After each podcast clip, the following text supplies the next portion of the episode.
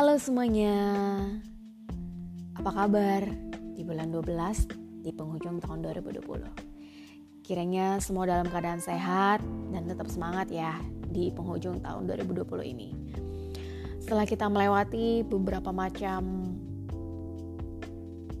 hal yang kita temui di tahun 2020 ini mulai dari banjir awal tahun lalu uh, pandemi COVID-19 dan berlangsung berbulan-bulan sampai penghujung tahun 2020 ini.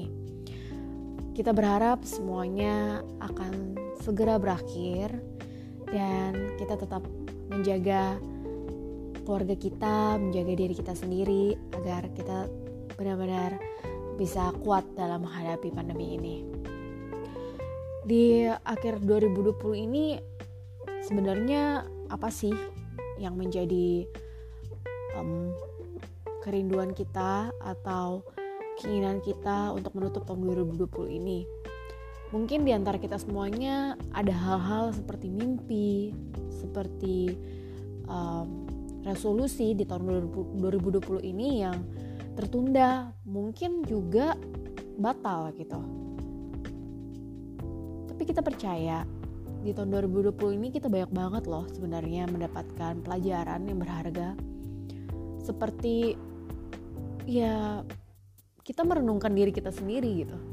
Kita mendekatkan diri kita ke Tuhan pastinya lalu kita belajar untuk menerima keadaan dan banyak hal yang lain yang aku pelajari di tahun 2020 ini mungkin di antara kita juga ada yang mengalami PHK, um, omset turun dalam penjualan, bisnis kita hancur, bangkrut, mungkin tidak bisa berjalan lagi.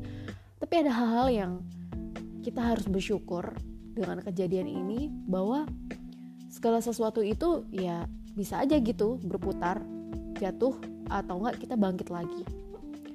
Dan aku di sini pengen sharing hal-hal apa aja sih di tahun 2020 ini yang bisa aku ambil dalam proses dari bulan kita mulai uh, eh, PSBB itu? Kalau nggak salah dari bulan uh, April uh, pertengahan Maret ke April ya dan sampai sekarang. Walaupun sekarang dalam PSBB transisi.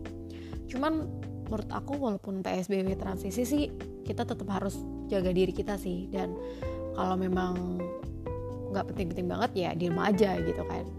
Nah ada beberapa hal yang aku pengen sharing ke kita semuanya. Di tahun 2020 ini apa aja sih yang bisa aku ambil? Pelajaran yang bisa aku ambil. Dan mungkin ini juga teman-teman pada merasakan ya.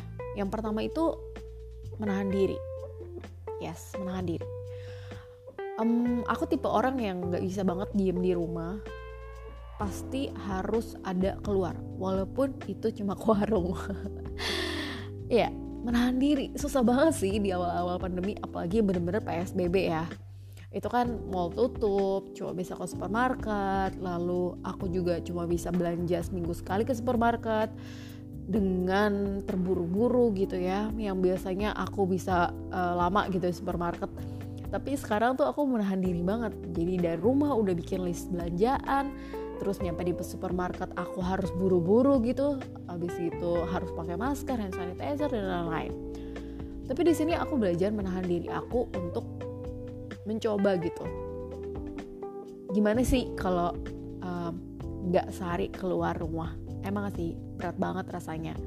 Cuma setelah berbulan-bulan gitu ya berbulan-bulan kita belajar untuk di rumah aja terus melakukan segala aktivitas di rumah aku mulai belajar gitu. Bahwa sebenarnya kita bisa kok untuk menahan diri kita untuk nggak keluar rumah. Mungkin ada positifnya juga. Aku bisa nabung di awal-awal pandemi. Lalu nggak keluar keluar rumah kan sebenarnya ada budget yang uh, harus dikeluarkan. Terus sekarang nggak dikeluarkan gitu kan jadinya ya bisa nabung gitu. Lalu yang kedua itu aku bisa peduli dengan sesama memang sebelumnya sih ya peduli sih peduli gitu. Cuman sekarang lebih pedulinya gini loh. Misalnya ke supermarket atau ke mana gitu. Ya aku peduli untuk sesama aku ya. Walaupun aku tahu aku nggak kenapa-napa atau nggak uh, aku baik-baik aja tapi aku tetap pakai masker. Lalu aku jaga jarak juga. Itu membentuk kepedulian aku gitu untuk menjaga kita satu uh, satu sama lainnya gitu. Jadinya ya aku peduli gitu. Aku nggak mau mereka juga kenapa-napa aku juga nggak tahu ada yang di tubuh aku apa di mereka juga apa. Jadi kita saling peduli gitu. Saling menjaga satu sama lain ya. Lalu abis itu gotong royong. Yang ketiga ini gotong royong. Di awal pandemi kan semuanya tuh keadaan bener-bener uh, bisa dibilang kalau aku sedih sih ngeliat uh, banyak seperti ojek online yang nggak bisa lagi ngambil orderan dilarang. Terus abis gitu banyak juga yang mengalami kesusahan untuk mencari makan. Nah di sini aku belajar juga untuk uh, gotong royong gitu. Gotong royongnya di awal-awal aku bukannya bermaksud untuk sombong ya cuman aku kasihan gitu loh. Selama aku ada ojek online aku sering banget naik ojek online. Entah itu motor entah itu mobil nah setelah keadaan ini sampai sekarang nih bulan Desember aku tuh nggak pernah lagi naik namanya uh, ojek atau mobil uh, mobil online gitu. Nah aku sedih gitu ngeliat mereka um, harus mencari pekerjaan yang lain sedangkan ya pekerjaan lain juga susah kan.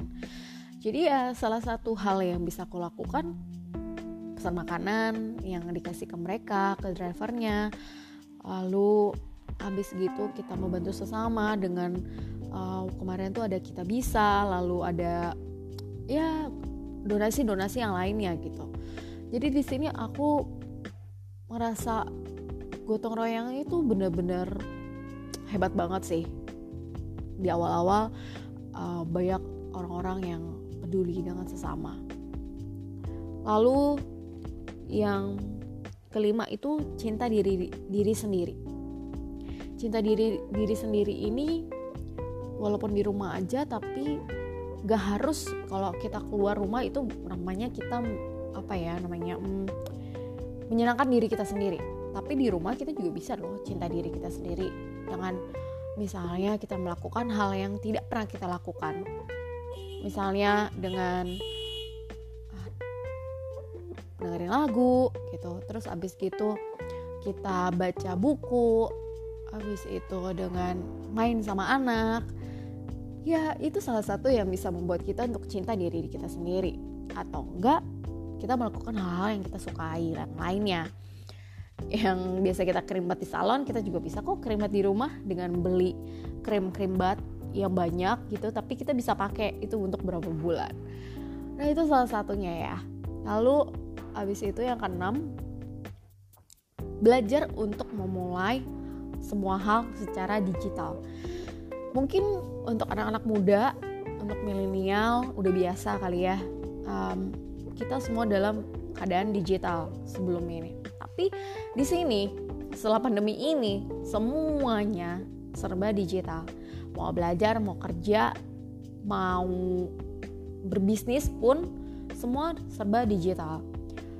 Itu menuntut semua kita harus belajar hal yang baru di mana kita bisa berinteraksi dengan orang lain walaupun orang lain jauh. Oh ya, ada pepatah berkatakan kalau misalnya uh, digital ini menjauh menjauhkan yang dekat atau ya sepencap itu ya tapi aku ngerasa di sini digital itu ternyata penting banget loh dunia digital ya dengan uh, beberapa platform yang kita pakai misalnya untuk sekolah Google Meet, Zoom dan lain-lain gitu. Itu membantu kita sebenarnya. Tapi gimana kita mau belajar untuk hal tersebut? Nah di sini aku banyak banget belajar. Yang dulunya aku nggak pernah tahu Zoom apa sih Zoom gitu. Terus habis itu Google Meet dan lain-lain. Oh ternyata begini ya. Oh caranya begini ya. Dan akhirnya aku pun mengajarkan orang tua aku karena orang tua aku uh, sebagai dosen ya. Jadinya ya aku juga harus membantu beliau gitu memberikan kelas online dan lain-lain.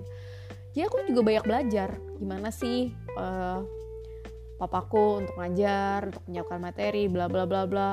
Ya aku juga belajar gitu. Terus habis gitu belajar juga gimana dunia digital marketing. Terus abis gitu bertemu dengan teman-teman yang baru. Ya itu sesungguhnya sih membuat aku happy banget. Dan aku bisa belajar itu. Jadi segala sesuatunya tuh nggak melulu kita harus bersungut-sungut atau bersedih. Justru kita harus bersyukur dengan keadaan ini gitu. Walaupun uh, sedih walaupun kecewa gitu tapi kita tahu kok dalam hal yang terburuk pun pasti ada hal yang terbaik. Dan kita harus bersyukur tentang itu. Habis itu yang terakhir itu bertahan bertahan dalam semua situasi mungkin kita dulunya nyaman ya dengan keadaan sebelum pandemi gitu. Tapi gimana kita bisa bertahan di situasi yang menurut kita kurang baik atau enggak kita merasa terpuruk gitu. Di sini tuh aku belajar juga bagaimana kita bertahan dalam semua semua situasi gitu. Jadi di awal-awal pandemi kita mungkin berat tapi coba deh sekarang apa sih yang kita rasain? Pasti kita bisa deh. Kita bisa jalanin ya kita bisa untuk melakukan uh, semua protokol kesehatan. Pakai masker lah. Yang dulunya kita aduh boro-boro deh pakai masker kan. Pakai pakai bawa motor juga kadang-kadang males pakai masker. Sekarang ke mana-mana pakai masker.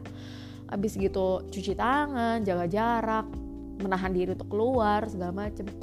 Itu sama aja kita bertahan dalam semua situasi gitu.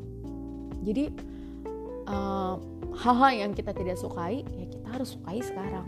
Hal-hal apa yang kita tidak pernah lakukan sebelumnya kita harus lakukan sekarang.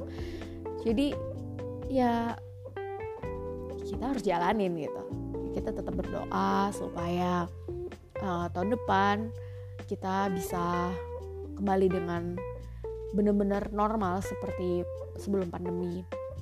Dan bersyukur juga vaksin juga udah keluar ya kita tetap berdoa lah untuk Indonesia dan untuk semua negara yang ada di dunia ini bisa kembali dengan normal. Jadi um, untuk menutup ini, aku pengen kalian merefleksikan di tahun 2020 ini apa aja sih yang kita lalui, apa aja yang kita um, gumulkan, apa aja yang kita alami, apa yang Tuhan berikan ke kita, apa yang kita syukuri di tahun ini kita berdoa supaya kita tetap diberikan kesehatan, kita tetap diberikan kekuatan, kita tetap diberikan berkat dari Tuhan, kita tetap diberikan semangat untuk menjalani tahun 2021. Mungkin kita nggak tahu tahun 2021 ini ada apa sih sebenarnya, tapi kita percaya apa pun yang Tuhan berikan di tahun 2021 kita bisa ngelewatinya kok karena kita sudah bisa melewati di masa-masa yang tersulit di tahun ini. Jadi ya tetap semangat semuanya. Apa pun yang terjadi, kita tetap jalan. Kita tetap berusaha. Kita tetap uh, ceria, bersemangat gitu. Ini udah cukup ya podcast kali ini. Singkat, padat dan jelas. Jadi kita sampai ketemu lagi di podcast selanjutnya. Terima kasih yang sudah mendengarkan. Have a nice day.